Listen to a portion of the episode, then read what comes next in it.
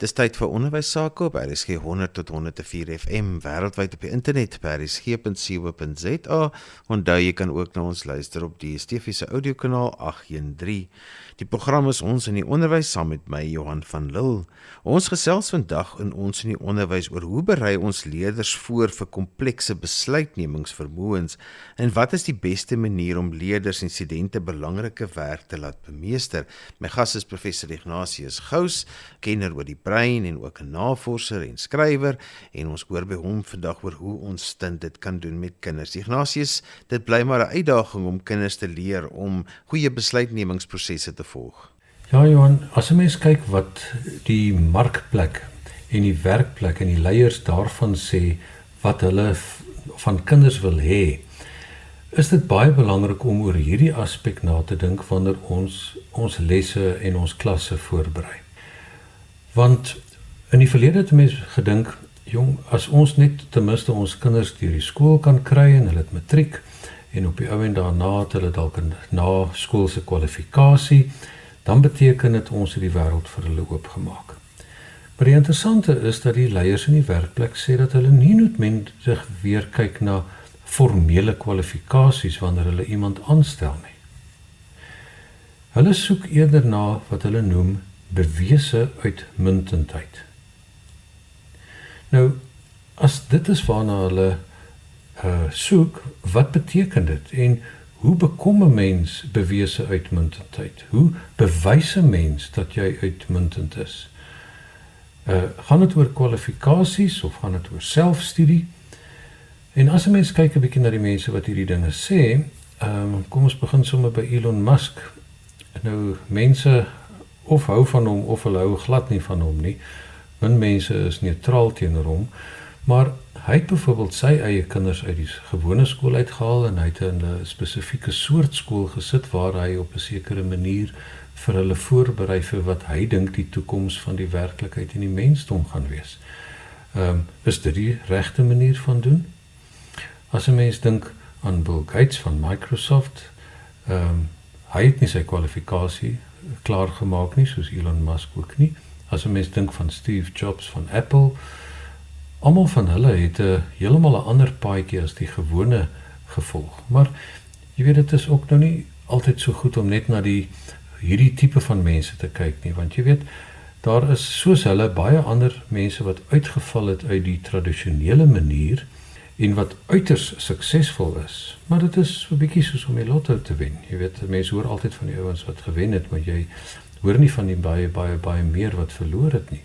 Want ek ken ook uitvallers wat nie miljardêers geword het nie en wat op die oomblik enige iets is van goed regkom tot geweldig baie sukkel. So wat moet 'n mens doen? Hoe moet ons ons kinders en leerders voorberei om uh, besluite te neem oor hulle lewe en werk en die manier van hoe hulle leer wat vir hulle wel gaan help in die toekoms. Nou om te sê goed, ek gaan nie meer vir 'n formele kwalifikasie nie, maar op vir bewese uitmuntendheid geld dit gewoonlik meer vir beroepe wat oor besighede en entrepreneurskap gaan as vir die tradisionele tipe van beroepe. Want ek weet nie so mooi of ek vir uh, my lyf sal oopstel vir 'n selfgemaakte dokter om in my diepste binneste te kom krap nie. Al is dit ook so dat nie alle gekwalifiseerde dokters ewe kundig is nie.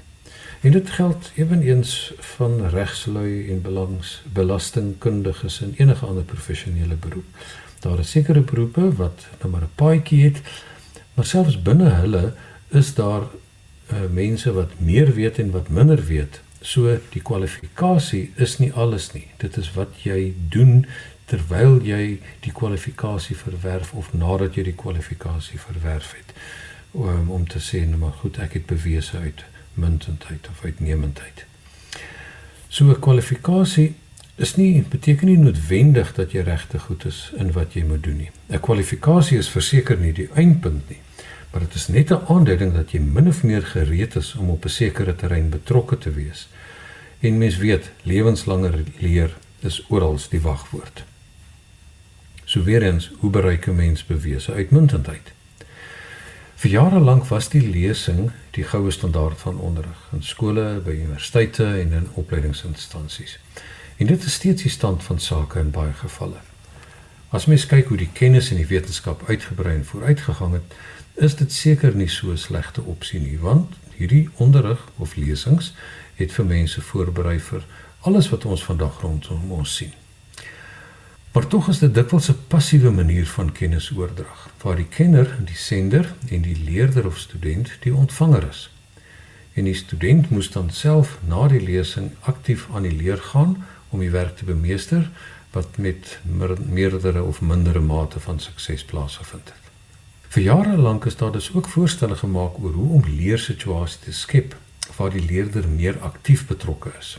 Nou ja, selfgerigte leer of eksperimentele leer of projekgebaseerde leer of probleemgerigte leer en heelwat ander wyse van onderrig is ook met mindere of meerdere mate van sukses gebruik. Maar onderliggend aan al hierdie maniere van onderrig is die vraag hoeveel kennis moet deur die onderwyser of dosent verskaf word en hoeveel moet deur die student self uitgevind word. Is die onderwyser of dosent die sage on the stage wat bepaal wat die leerder moet leer? Kan studente deesdae hulle eie leerplan en kurrikulum opstel soos wat 'n mens dikwels hoor moet gebeur? En dit is ook 'n feit dat 'n mens deesdae kennis oor letterlik enigiets onder die son en selfs verder weg gemaklik kan bekom en jouself daarin ingrawe.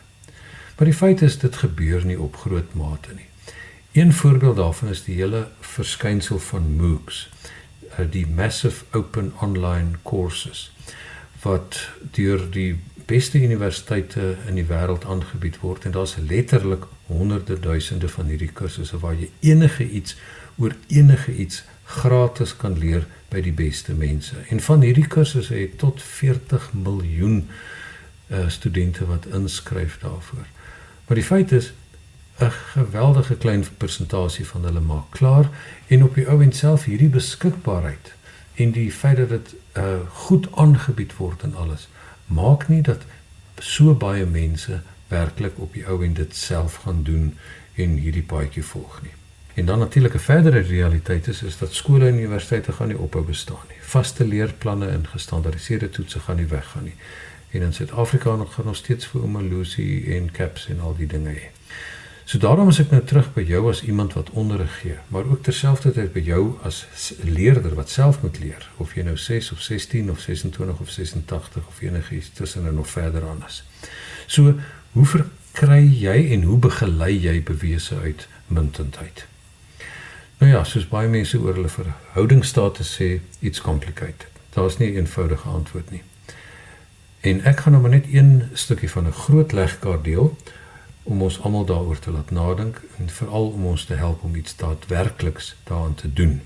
En dit gaan oor die navorsing oor modelbegeleide of modelvrye gedrag en optrede. Nou ja, toe ek die eerste keer hieraan blootgestel is, het ek dit op die oor af verkeerd verstaan.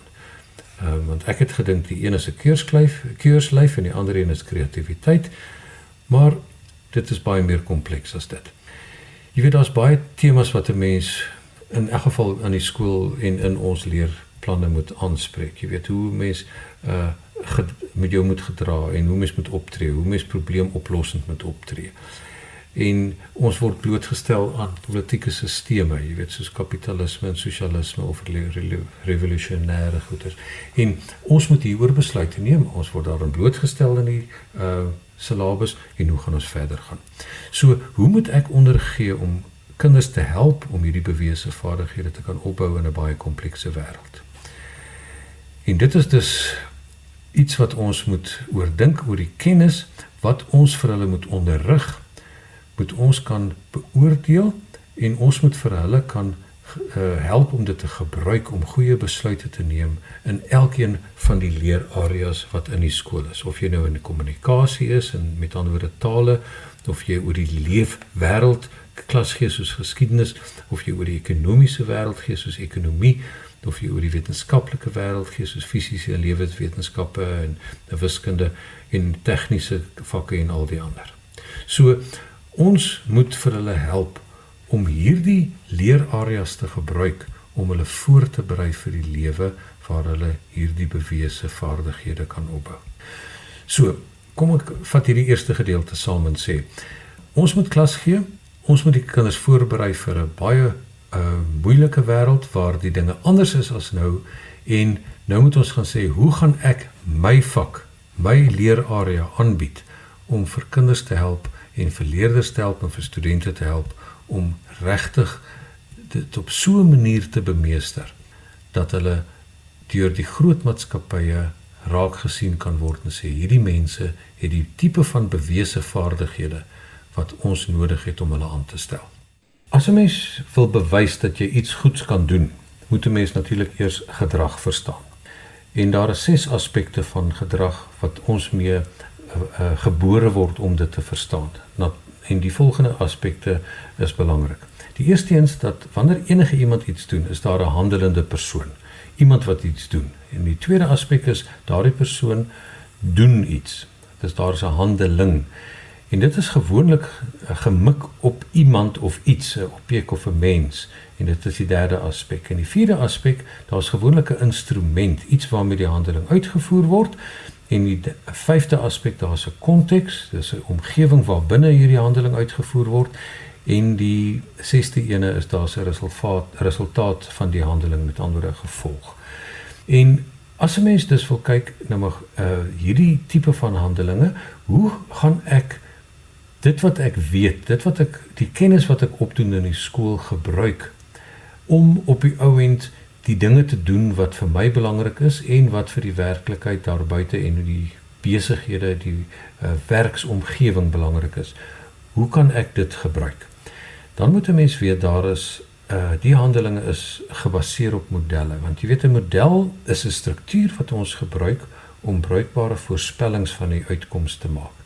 Met ander woorde, ons doen kennis op.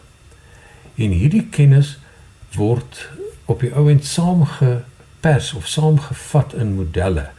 En hierdie modelle help vir ons om te sê nou maar goed, hoe moet ek optree? Wat moet ek doen? Wat moet ek wat kan ek doen? Wat is my bydrae tot die werkplek? En daar is twee sienings van modelle. Die een is modelbegeleide gedrag en die ander is modelvrye gedrag. Die nou modelbegeleide gedrag Daar maak ons spesifiek gebruik van 'n beskouing of 'n stel reëls wat vir ons min of meer sê dit gaan die uitkoms wees. So as ek hierdie dinge bemeester het en ek doen dit volgens hierdie patroon, dan beteken dit dan gaan ek reg kry wat ek moet doen. Ek gaan vaardig wees in dit wat ek wil hê. En op die oomblik as ek dit oor en oor doen, dan word dit 'n gewoonte en 'n mens hou aan daarmee. En dit is hoe wat 'n hoe 'n mens beplan om 'n produksiemodel te doen waar jy 'n uh, klomp dinge in ag neem, bymekaar sit en dit dan operasionaliseer sodat jy effektief en vinnig uh iets kan doen en iets aanhou doen. En dit is in enige produksiemodel of in enige manier of jy nou in 'n professionele beroep staan en of jy in 'n tegniese beroep staan en of jy enigiets doen, dit is wat 'n mens gebruik en hoe meer mense doen, hoe beter word jy dit daarin en dan op die ou end kan jy sê nou maar dit is bewese uitmuntendheid. Die probleem is dat sulke dinge soms agterhaal word, dat dit oud word, dat die omstandighede so verander dat hierdie dinge nie werk nie. En daarom moet 'n mens vir kinders ook help of vir leerders ook help om te weet hoe om modelvrye gedrag aan te leer. Want dit is nou aan die ander kant weer doelgerigte gedrag. Dit is nie meer gewoontes wat 'n mens aanhoudend en oor en oor doen nie. Dit is wanneer daar 'n nuwe situasie voorkom wat jy moet aanspreek, uh vir daar uh, nuwe tegnologie uh, ontwikkel het of 'n nuwe probleem ontwikkel het wat ons nie voorheen van geweet het nie en dan beteken dit ek moet nou iets kan uitdink. So hoe gebruik ek my bestaande kennis om hierby uit te kom? Ons moet met ander woorde sê wat is my vorige ervaring maar wat werk nie en hoe kan ek nou eksperimenteer om vooruit te kom? Nou in 'n onderrigsituasie bou ons primêre aan bestaande kennismodelle. Ons leer vir leerders wat is die dinge wat ons reeds weet. Want uh, op die ou end moet 'n mens vir hulle help om sekere kennisvlak te bereik dat hulle kan saampraat met die wêreld waarin hulle beweeg en die woordeskat van daai veld kan bemeester. En dit is van kardinale belang. Daar is werklik nie 'n uh, 'n mens kan nie sonder hierdie basiese kennis enige plek kom nie. Maar as ons net hierby stop, dan berei ons hulle nie voor vir die wêreld waarheen hulle op pad is nie.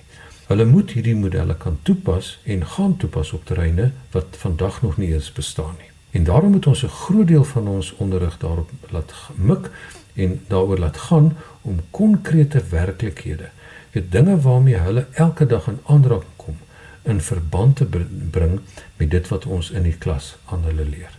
En hierdie gedeelte moet nie net 'n nagedagte wees nie. Dit moet van die begin af beplan word om deel van die lesplan te wees. Byvoorbeeld, kom ons dink aan die tale. Wanneer 'n mens vir hulle aanleer om reg te praat en om reg te skryf en om reg te luister en om dit goed te doen, soos wat ons in die caps hoor, moet ons ook vra in watter omstandighede gaan dit wat ons vandag in hierdie les leer nuttig wees om toe te pas. In watter tipe van verhoudings gaan 'n mens hierdie taal wat ek op hierdie manier besig kan gebruik? In watter werksomstandighede gaan dit vir my help om vooruit te kom? In watter konflikomstandighede by die werk of in die, in die samelewing of in die politiek gaan hierdie vir my help om op uh vooruit te kom en om dit op die ouend goed te kan gebruik. Dink aan die wetenskappe. Die wiskunde, fisiese en lewenswetenskappe. In watter omstandighede gaan dit wat ons vandag leer nuttig wees om toe te pas? Met ander woorde, watter tipe van denkpatrone wat ek in hierdie uh algebra en die manier van hoe ek 'n probleem aanspreek en die dinge met mekaar in verband stel en uh sien wat een kant en wat aan die ander kant moet wees, hoe gaan dit vir my help? In watter omstandighede gaan dit vir my help? Hoe gaan ek die praktiese aard van sinema driehoeksmeting kan toepas? En in watter maniere nuwe dinge is dit toepaslik en is dit nodig om dit te weet? Hoe kan die aanspreek van huidige knellende probleme soos aardverwarming of besoedeling, hoe kan die wetenskappe vir my help om dit aan te spreek? Jy weet, die daar is 'n Nederlandse man uh, wat op 18 jarige ouderdom het hy oor hierdie dinge nagedink. En as 18 jarige het hy gesê maar daar's 'n reusagtige probleem in die Stille Oseaan wat hulle noem the Great Garbage Patch.